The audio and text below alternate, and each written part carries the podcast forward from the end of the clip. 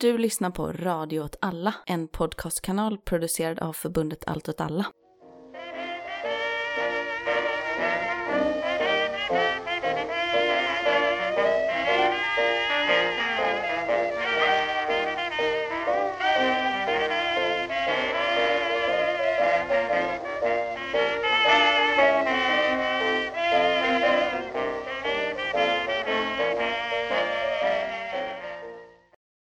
Välkomna till Vad händer Gbg? En podd om lokalpolitik i Göteborg utifrån ett vänsterperspektiv.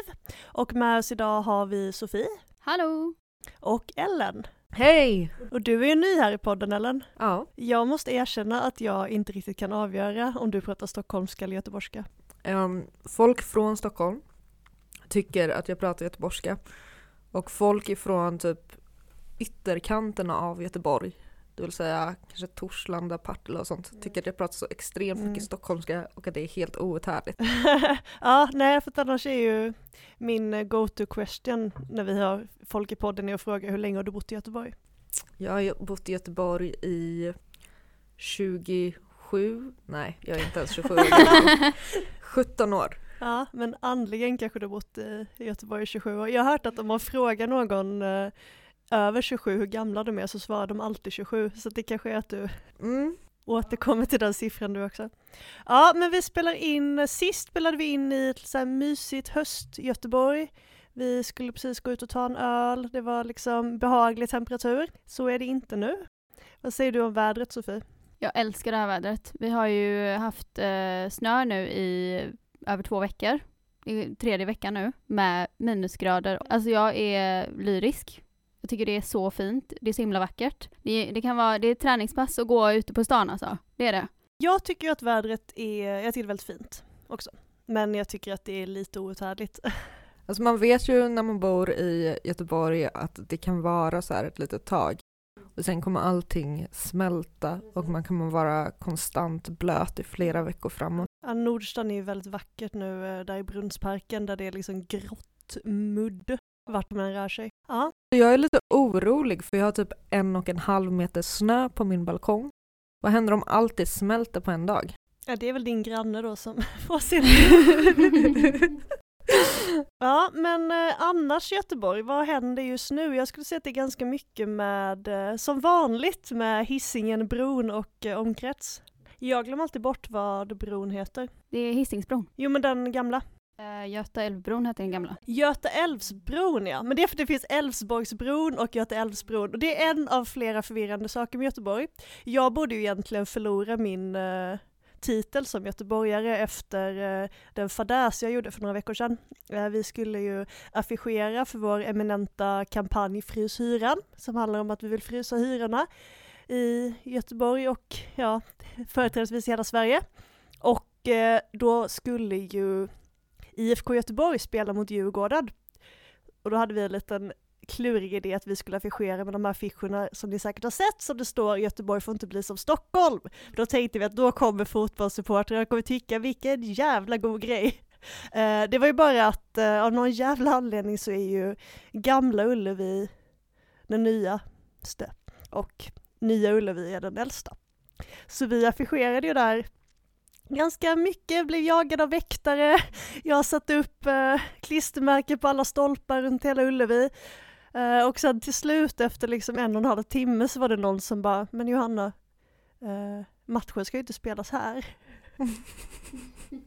Men det är ett sånt eh, Göteborgsskämt att eh, eh, till exempel om man har en kompis som är väldigt kort så kallar man den kanske för lången. Ja, det är sant. någonting sånt. Ja. Eller någon som är supersmal så, säger man, så kallar man den för Bullen eller någonting sånt. Men vadå, är detta en Göteborgsgrej eller är det bara en allmän grej? Jag tänker det är så hamnarbetarsmeknamn liksom. Ja. Men det känns ju som att någon vill sätta dit mig alltså. Ja, nej men som sagt det här med den bron då. Eh, nya Hisingsbron i Göteborg. Eh, det är flera delar av den som behöver rivas för att det redan har blivit massa sprickor i betongen. Alltså det är liksom tre eller fyra trapptorn. Jag vet inte exakt vilka delar av bron detta är. Men eh, ja, det låter ju väldigt eh, sensationellt. Ja, och den invigdes ju i år. Ja, vi lyssnade ju på invigningen i våras där det var några elever Mm. från kommunala musikskolan som spelade trumpet falskt. Så att ni som följer podden vet ju att eh, den här podden har ju mindre än ett år på nacken och ändå så är Hisingsbron redan trasig. Sen var det också, de skulle ju eh, spränga bort den gamla bron, alltså Götaälvsbron. Och eh, lyckades liksom ge för lite tid till eh, företag som skulle göra det och tvinga dem att genomföra det trots far farhågor, så det sket ju sig. Så det blev ju sån jävla smäll. Så att eh, bråte flög över hela kajen. Men är det det här som har gjort att den nya har gått sönder? Nej, jag tror att det är två helt separata händelser. Jag tror bara saker har gått fel överhuvudtaget. Den här Hisingsbron är de nya italienska spårvagnarna. Aha. Intressant spaning. Mm. De nygamla som nu ska kasseras. Ja, precis. Jag har börjat kalla nya Ullevi för nygamla Ullevi nu. Tror jag. Eller så kallar jag båda för nygamla så att jag aldrig någonsin ska behöva erkänna vilken jag pratar om. Ja men alltså Nya Ullevi, det har alltid hetat Nya Ullevi. För att när det bara fanns ett Ullevi och det Ja. byggdes ett till Ullevi och det här är det runda, då blev det Nya Ullevi. Och sen så behöll de Gamla Ullevi, rustade de upp det. Och sen så tror jag de behöll namnet för att det var alltså sentimentala skäl liksom. Ja, men det är ju också dumma skäl. Men det är också, är det inte, Göteborg är ju ändå en eh, relativt liten stad. Känns Mm. det inte konstigt att ha två stycken fotbollsarenor? Jag förstår inte varför båda ska heta någonting med Ullevi överhuvudtaget, men jag tror det enklaste är att tänka att Nya Ullevi har alltid hetat Nya Ullevi. Jo, men nu kommer jag aldrig glömma det. Förutom för tre minuter sedan. men i övrigt så kommer jag alltid komma ihåg det här nu. Ja, bra. Men Ullevi kommer ju då från den eh, nordiska guden typ Ull eller någonting. Eh, och det är väl en del av den här liksom eh, nationalromantiska stämningarna som präglade Göteborg kring sekelskiftet. Eh, och det är ju samma gud som har gett namn till till exempel Ullared. För att jag läste den här Wikipedia-artikeln när jag pratade med eh, några fotbollskillar för några veckor sedan på en fest. Så nu har jag, kan jag i alla fall lite om bakgrunden till det hela. Det låter som en extremt tråkig fest om du eh, satt och läste en Wikipedia-artikel om någon grekisk gud på den. Nej, det var nordisk gud. Ja, nordisk gud.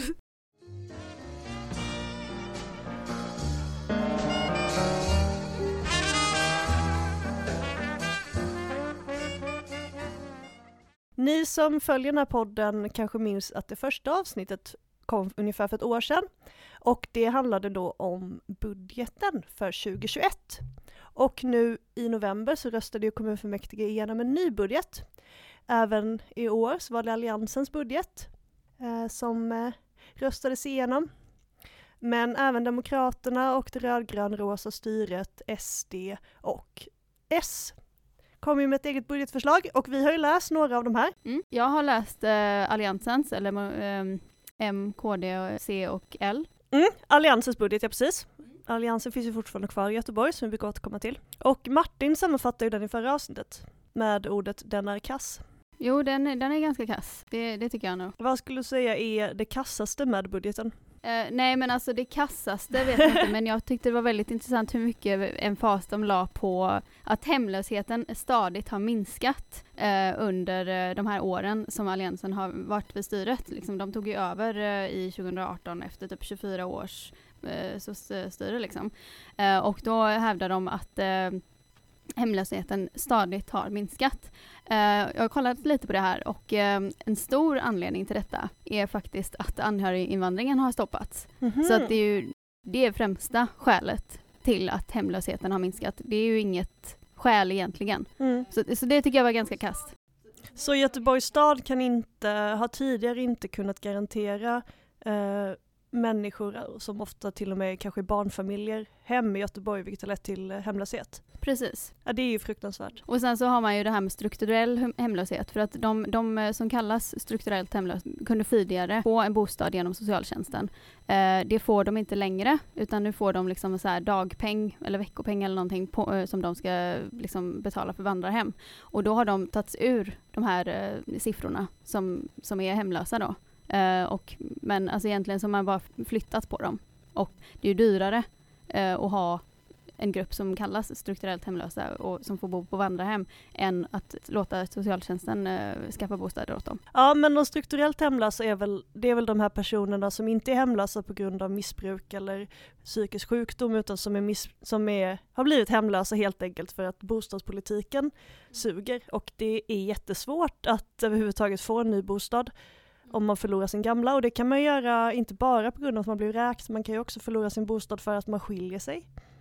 Man kan bli av med jobbet och sen så går man igenom en skilsmässa och så plötsligt är man jätteoattraktiv på arbetsmarknaden, man, man har egentligen inga sociala problem eller dylikt. Man får bara inte tag på en bostad. Ja men precis, jag läste på eh, Stadsmissionens hemsida att eh, sån, alltså de eh, människorna som tvingas flytta tillbaka till sina föräldrar eller som liksom flyttar mellan eh, olika bostäder och liksom sover på kompisars soffor och sånt där. De ska räknas in i hemlöshet, eh, liksom spektrat, men det görs mm. inte. Nej, samtidigt så kan man ju dömas för folkbokföringsbrott också om man inte har en fast adress och skriver sig hemma hos en kompis för att ta emot post. Så det är ju det är verkligen en situation nu som eh, där borgerlig politik driver fram att fler människor blir hemlösa och man blir straffad om man är hemlös. Sen skulle jag kunna tänka mig också att Göteborg eh, som stad säkert ägnar sig åt så kallad social dumpning också. Mm. Vilket alltså innebär att eh, människor som flyttat till Göteborg men är skrivna i andra kommuner eh, skickar man tillbaka till sin hemkommun och tvingar dem att ta hand om dem. Och det är ofta kanske kommuner som inte har så så stora resurser eh, och då så istället för att man får hjälp där man faktiskt bor, vilket är Göteborg, så blir man skickad tillbaka till kommunen där man är skriven och sen så är det jättemånga kommuner som får hemlösa som de större kommunerna dumpar på en.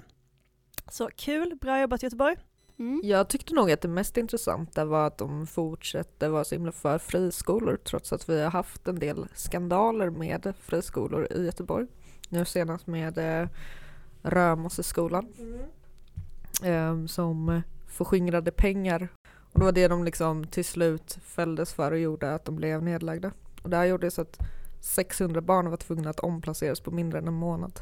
Ja, och Axel Darvik, alltså liberal politiker i Göteborg, har ju lite bedrivit en liksom personlig vendetta mot den här skolan också. Han gick ut och hävdade att eh, skolan skulle bli vräkt och att den skulle stängas på bara en vecka trots att Skolinspektionen, eh, alltså be beslutet var överklagat och att eh, lokalförvaltningen sa att nej, de är inte alls vräkta. Alltså det har varit, det har varit så fruktansvärt mycket symbolpolitik kring Römosseskolan på ett sätt som överhuvudtaget inte har gagnat några barn utan enbart Alliansens politiska projekt. Ja, fast också är väl ändå missgagnat därför att de, eller de skriver en väldigt lång passage i sin budget som bara handlar om att så här, eh, föräldrar måste få välja och det är väldigt viktigt och, och allting sånt. Men, eh, men samtidigt så har vi det här uppenbara problemet liksom med att på grund av friskolorna så får barnen eh, inte en likvärdig utbildning. Inte bara på grund av det såklart, men mycket på grund av det. Nej men jag skulle säga också att man har ju skapat en situation där, alltså, där man gjort sig beroende av friskolan också. För att har man barn i Göteborg idag så sätter man, har man resurser så skulle jag säga att man nästan bör sätta sitt barn på en friskola för att de kommunala skolorna är så fruktansvärt underfinansierade mm. att jag skulle inte säga att man får en likvärdig utbildning nödvändigtvis där heller just nu. Nej, jag tror inte heller det, tyvärr. Och det är ju fruktansvärt och det handlar ju nästan uteslutande om att det är för få vuxna och att man anställer kanske unga elevassistenter istället för pedagogisk personal. Mm. Ja, för det finns inom liksom eh, en del av den nya skolreformen inom Göteborg så finns det också ett avtal som gör att man, eh, in, man ska sluta med det här att lärare kan gå från skola till skola bara för att liksom höja sin ja, lön. Mm. Det kallas typ stafettlärare eller någonting mm. sånt. Mm-hmm. Genom att man inte erbjuder mer än typ 500 kronor i löneförhöjning eller någonting som bara är liksom standard för vad man får varje år. Men eh, friskolorna, eftersom de inte är med i det här avtalet så behöver ju de inte de behöver inte göra det utan de kan erbjuda hur mycket pengar som helst. Ja, så de kan på något sätt, eh, de har en, en, för, en konkurrensfördel att få de bästa lärarna helt enkelt. Ja, de behöver heller inte alla andra skolor eller kommunala skolor behöver ju anpassa sig till offentlig upphandling. Så att mm. de får bara köpa ifrån vissa företag och de här företagen är ju såklart mycket dyrare än typ att köpa på Panduro eller vad som helst. Och friskolorna kan ju köpa möbler på Ikea eller liksom var som helst men såklart är mycket, mycket billigare och spara pengar på det sättet. Ja, det är en utveckling som jag tror att vi kommer att... Eh, jag tycker det är intressant också för att Göteborgs stad eh, har ju satt som mål nu att eh, 2025 så ska alla stadsdelar i Göteborg som är på polisens lista av utsatta områden försvinna från den listan. Eh, och det är ju tre år kvar. Och vad gör man då? Man drar ner på skolorna. Och vad, vad drar man ned på mer? Jo, socialtjänsten. Och det är så fantastiskt att man drar ner på skolan och socialtjänsten och samtidigt så vill man att det ska gå bättre för ungdomar i Göteborg. Det är verkligen genialt. Ja, det, Fantastiskt. mm, och det ser man ju också nu i budgeten att man lägger väldigt mycket ansvar på bostadsbolagen istället. Mm. Men har du tänkt på något annat Sofie när du har läst budgeten? Eh, ja, det var faktiskt en sak, eh, alltså, på tal om bostadsbolagen. Så, eh, alltså, jag kommer ihåg för ett tag sedan så kom ju den här eh, eh, Gårdstensmodellen upp på tal. Liksom. Sossarna visade sitt stöd för det liksom. och sen så sa så hade Moderaterna, eh, allianspartierna, liksom varit emot det. Men i budgeten så, så står det liksom i klarspråk att de, är, de tycker det är en bra grej. Uh, så att uh, det är väldigt intressant uh, just det där och även det här med ombildningarna eh, inom all allmännyttan. Att eh, liksom, det ska vara ett, ett eh, studerat mål liksom, att man ska ombilda eh, hyresrätt inom allmännyttan i Göteborg. Nej, för att man ett sätt som man tänker sig att man ska få bort de här områdena är ju då att skapa mer så kallade blandade eh, boendeformer i de här områdena. Eh, och det har vi återkommit till innan att det betyder ju inte att man bygger liksom 2000 hyresrätter i nya Hovås utan det är ju att man ombildar lägenheter i, ja senast i Hjällbo är det senaste förslaget. Eh, och jag läste faktiskt i GP att det var någon expert på gängkriminalitet som menar att det kan Mm. öka gängkriminalitetens eh, möjligheter att styra i de här områdena, att man gör ombildningar. Jaha. Varför det? Eller vad var hans eller hennes motivation? Jag tror att, det man kan, att man kan liksom köpa in sig och ta, ta över liksom hus och det blir liksom en investering också. Alltså det är ju, bostäder är ju, fastigheter är ju en av de mest liksom bästa investeringarna överhuvudtaget. Mm, särskilt eh, bostäder som omvandlas till, eller hyresrätter som omvandlas till bostadsrätt. Att man kan köpa dem extremt billigt. Man kan ha dem i ett halvår och så går de upp Mm. med en så här halv miljon. Precis. Ja, men jag tänker på det här eh, i, i Malmö, kinesiska muren. Den här eh, Mm. bostad, eh, stora bostadshuset som nu har blivit uppköpta av MKB, kommunala bostadsbolaget där. Där var det ju en, liksom, det blev en bostadsförening som liksom, där, där de verkligen levde vilda västern typ. Precis, där bildade, ombildade man ju hyresrätter i Rosengård. Så det var ju, det borde ju vara ett avskräckande exempel. Ja men precis, ja. Det borde ju verkligen vara det. Och liksom, alltså det visar ju verkligen hur det är så dåligt eh, reglerat, bostadsföreningar. Och eh, så det öppnar ju upp för eh, en massa oegentligheter. Ja, och jag tror att, eller jag tror, det är ju också en aspekt att om man tänker på människor i de socialt utsatta områdena, de har ju överhuvudtaget inte samma kunskaper eller de har inte samma möjligheter att eh, eh göra sin röst hörd i en liksom, bostadsrättsförening. Och då blir man ju extremt sårbar för att människor som vill lura dem tar över bostadsrättsföreningen. Jag läste bara igår att det var ett fall i Helsingborg när en bostadsrättsförening hade liksom sålt fastigheterna utan de boendes vetskap.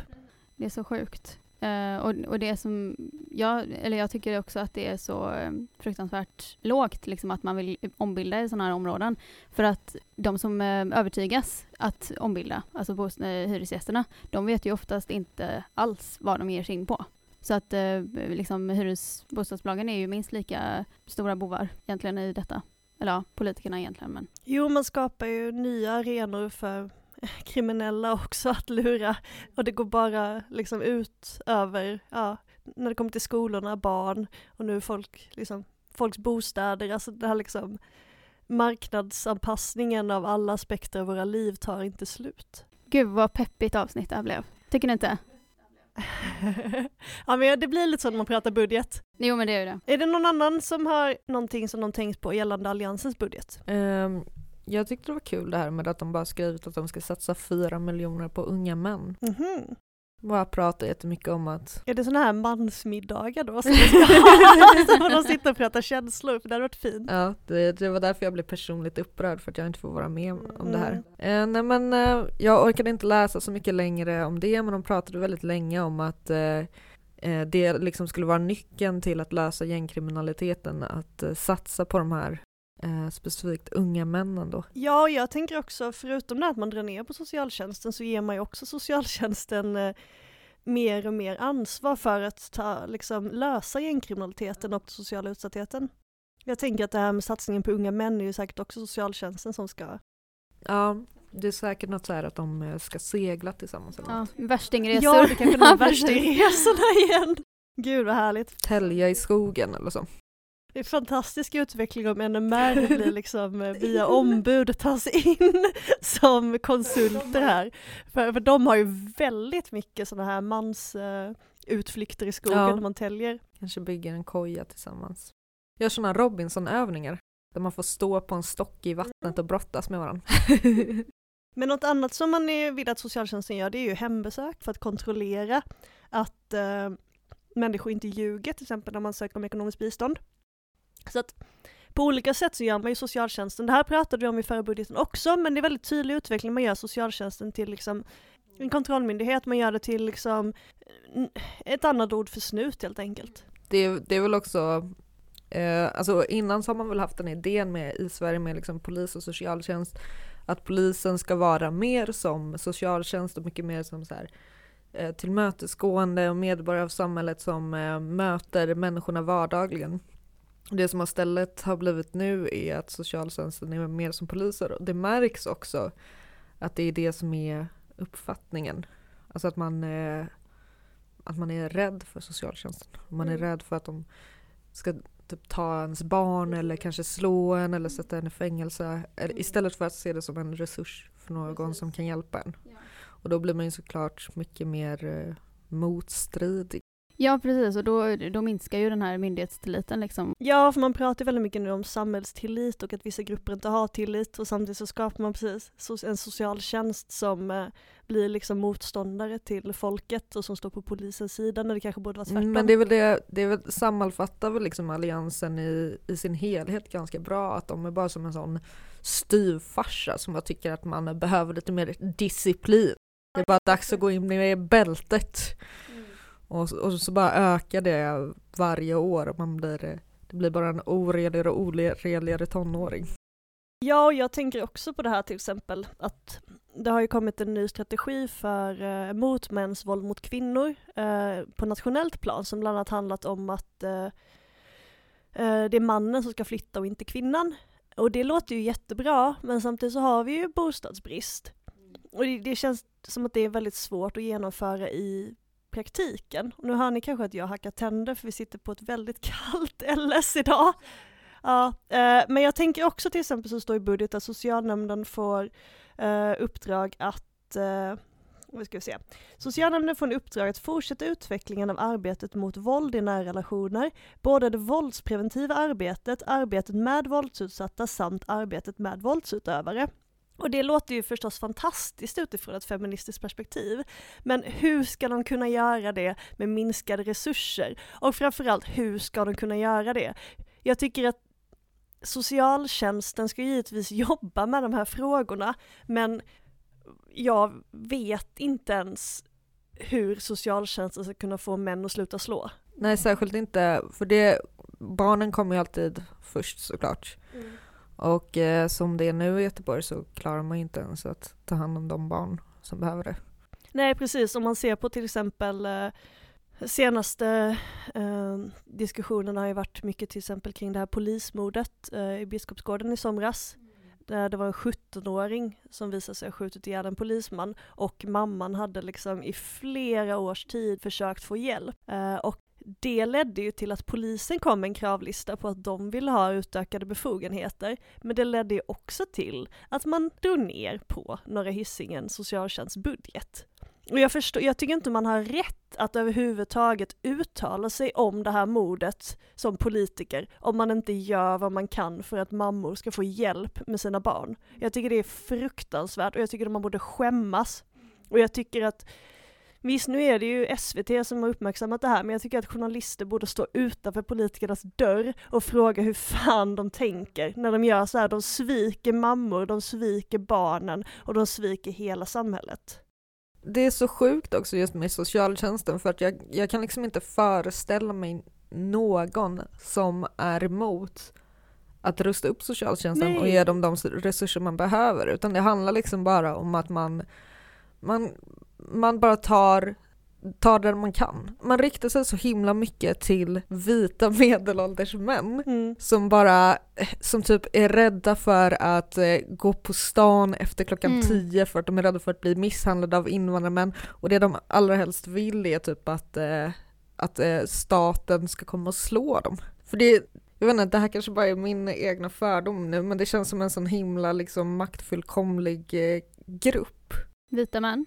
Just den här typen av, eh, av män som bara tittar på det som händer i samhället och ser det som ett hot mot dem själva och deras egna mat- maktposition. Och det är så himla starkt. Så att vilket parti som en som, som en liksom kan fånga upp den här gruppen och få dem att känna sig sedda. De har liksom direkt alla deras röster. Mm, och de har ju fått Demokraternas röster också, det är det vi pratat om innan. Men sen är det också, man pratar inte om det någonsin som nedskärningar, utan man pratar ju alltid om det som effektiviseringar. Mm. Och det är så fantastiskt, jag ska också liksom, jag ska gå och stjäla folks eh, Liksom en, en, en halva folks lunch och ska säga vi tyvärr har effektiviserat bort halva din lunch för att annars Mm. hinner du inte äta upp hela. Eller nu tar vi bort de här timmarna med assistans. Det blir mer effektivt, för då får du mindre tid på dig att göra det.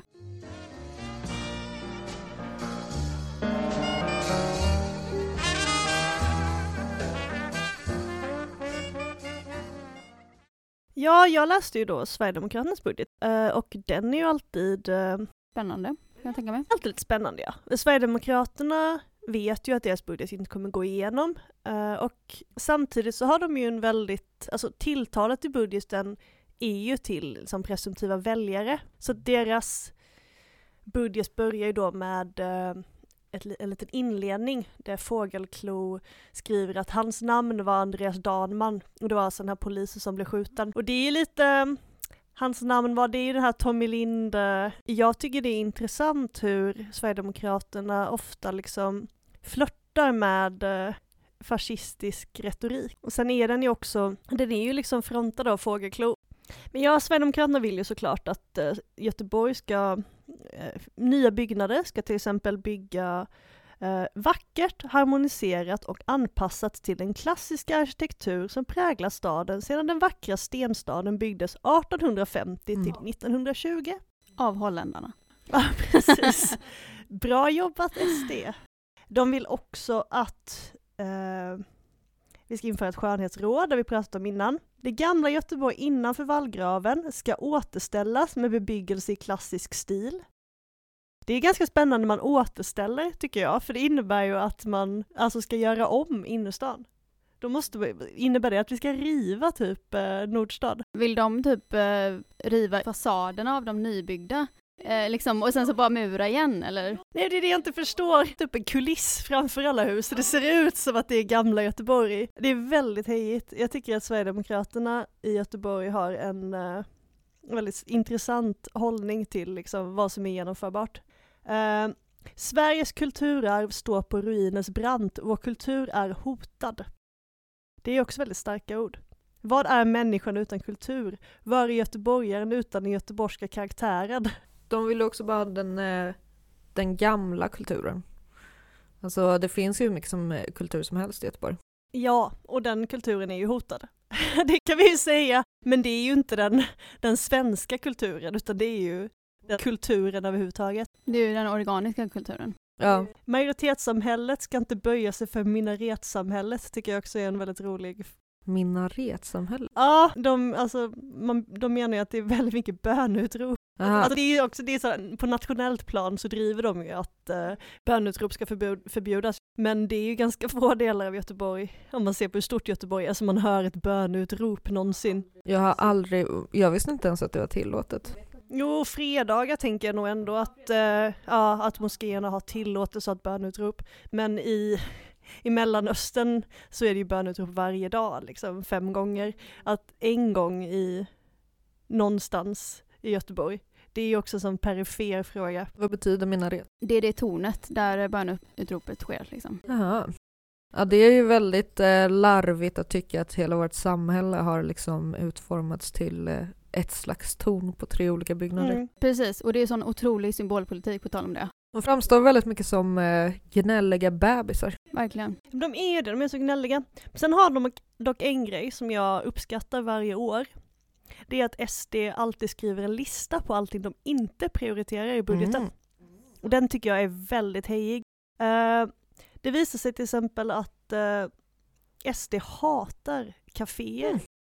Inte mer än tre gånger så nämner de, vi prioriterar inte kaféverksamhet för ensamkommande unga män med utvisningsbeslut. Men, ja. De prioriterar inte dyra biltvättar som kallas konst i och för sig. Det är ju den här på, på Götaplatsen. Ja, Eh, inte julbord till stadens politiker. Eh, I versaler, fler fula fyrkantiga byggnader i glas och betong. Eh, utländska män som sitter och fikar på café, inte heller vuxna människor som sitter på café och röker. alltså det här fattar jag inte alls heller. Eller väldigt länge drev ju SD ändå väldigt starkt att eh, de absolut inte var emot invandrare så länge de eh, integrerar sig eller assimilerar sig. Och enligt Sverige själva så finns det väl liksom ingenting som är så svenskt som att sitta och fika ibland. Nej, jag vet för de nämner, alltså fyra gånger. Det är alltså kaféverksamhet för ensamkommande, de är emot eh, män som röker och går på café. Eh, de är också emot att kulturnämnden driver ett café. Det är så extrem liksom, eh, missförstånd av vad det handlar om att vara göteborgare, för det handlar faktiskt om att sitta på café. Ja, jag tänker också att om det är någonting som man borde vara för så är det väl att invandrare fikar. ja, have you heard of Swedish fika liksom? De skriver dock att de inte prioriterar rasism, det tycker jag är stort av dem. Rasism? Ja, för att innan dess så tänker man ju så att det här är rasister, men sen skriver de att de är emot rasism. 100% övertygad. Fast är det verkligen det de skriver om de säger att de inte prioriterar det? Exakt. det ligger lite längre bak i pipelinen. Rasism kommer vara en fokusfråga 2023, men inte 2022. Det är kanske är därför de har hela den här äh, grejen mot fika nu. Ja, precis. För att bevisa att de inte prioriterar rasism. Nu är de mot både fika och invandrare och rasism. Ja, nej, så att sammanfattningsvis kan man säga att SD kör sitt race, de försöker inte anpassa sig. Eh, Moderaterna kanske anpassar sig mer till SD, men SD gör inte vice versa. Nej, men SD är ju också, liksom, de kan ju alltid ställa sig i opposition. De hävdar ju Mm. liksom, till exempel nu i, även i riksdagen att de eh, inte hade velat rösta fram eh, Ulf Kristersson. Ja, det var det som är intressant nu om det är så att SD växer i Göteborg, om det helt och hållet är en effekt av vad som händer på riksplanet. För det kan ju inte vara till följd av Sverigedemokraterna i Göteborgs förmåga att locka över borgerliga väljare. Men äh, jag har scrollat lite i äh, de rödgröna. Den är ju väldigt så här, satsig. De har väl det gemensamt liksom med SD att de vet att de aldrig kan få, med, alltså få igenom sin budget. Så de kan bara säga vad som helst. De kan bara säga att de äh, bara vill ha biltvättar i hela Göteborg som kallas för konst. Ja, att de bara vill ha den här, den här, den här färgglada eh, fontänen på Avenyn. Ja.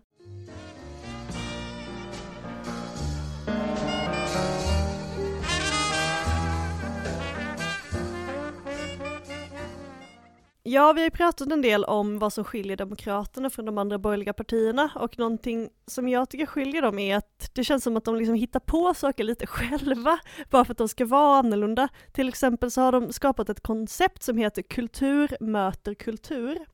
Som är alltså någonting som de har hittat på själva verkar det som. Som handlar om att liksom barn från olika kulturer ska mötas och utbyta kulturella erfarenheter.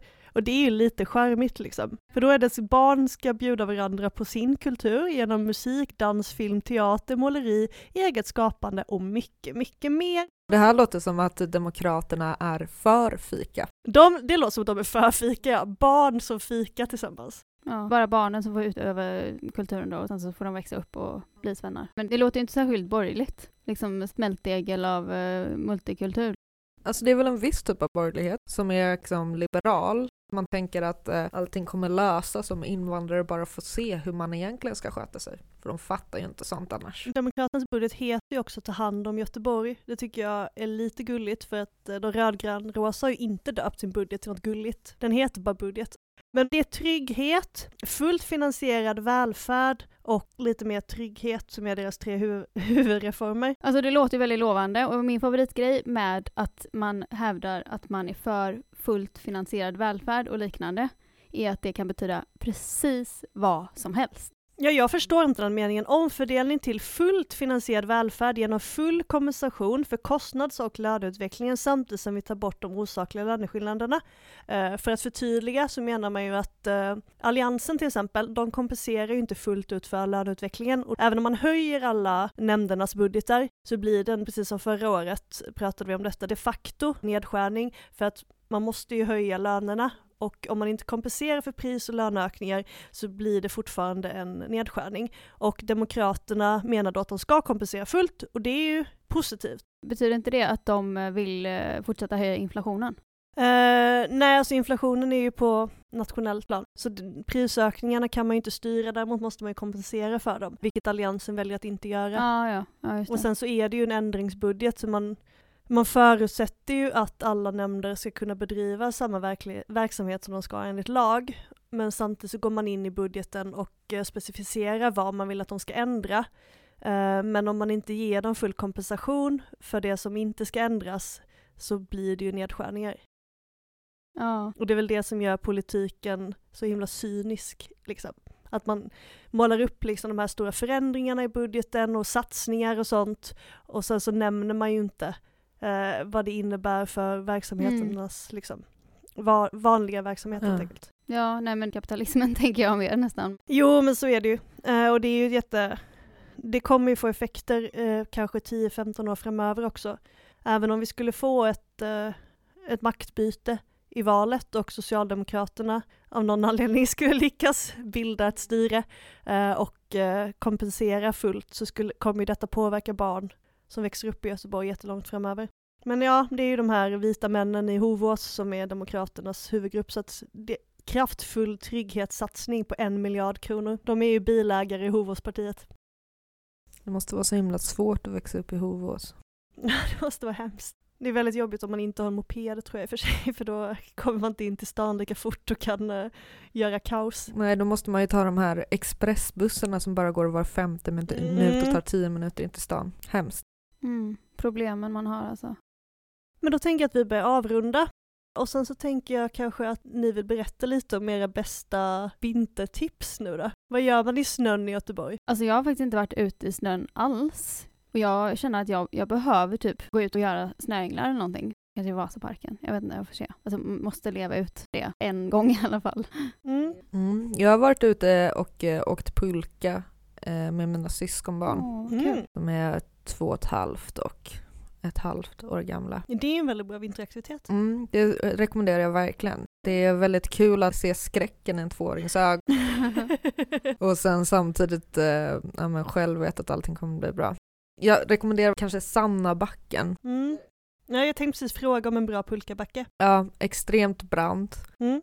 Det finns en eh, bilväg nedanför så att det finns alltid liksom den här överhängande risken att dö, vilket ju... Döden är nära i Göteborg. Ökar spänningen. Ja, förhöjer upplevelsen maximalt. Och superbrant och lång. I Sannabacka, det är i Sandarna då, i Majorna? Mm. När jag var yngre så brukade vi eh, ta med oss vår choklad och så brukade vi hälla rom i. Så brukade vi åka på Sankt Hans backar i Lund och så åker man det fortaste man kan och så trillar man och så är man full och så skadar man sig. Uh, så det är ingenting jag saknar. Jag tyckte det där lät som en helt fantastisk upplevelse. jag tycker det. Ja. Gott med rom i varm choklad ja, också. Det är för sig väldigt gott. Det är kanske mitt tips då, att mycket, mycket varm choklad med sprit i. Kanske den här Havanna Club Especial. Mm. Mer snöänglar, rom, pulka, mindre borgerlig politik. Kanske fika mot SD. Fika mot SD, ja precis. Ät något gott, tänd en cigg, fika mot SD. Förhoppningsvis kommer vi tillbaka om en månad igen. Uh, stay safe, halka inte framför en spårvagn, det är inte värt den extra minuten. Det är väl generellt ganska lätt att halka i Göteborg så fort det blir snö för att man tänker så här, äh, det kommer smälta om två dagar.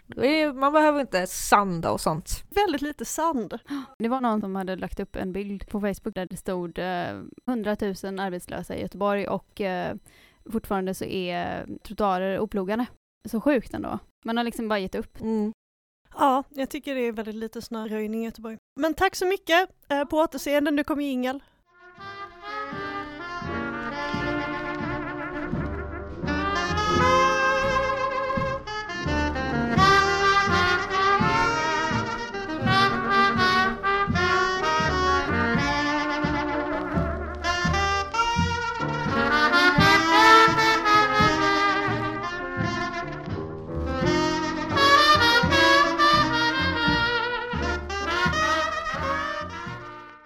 Man kan inte lova allt till alla.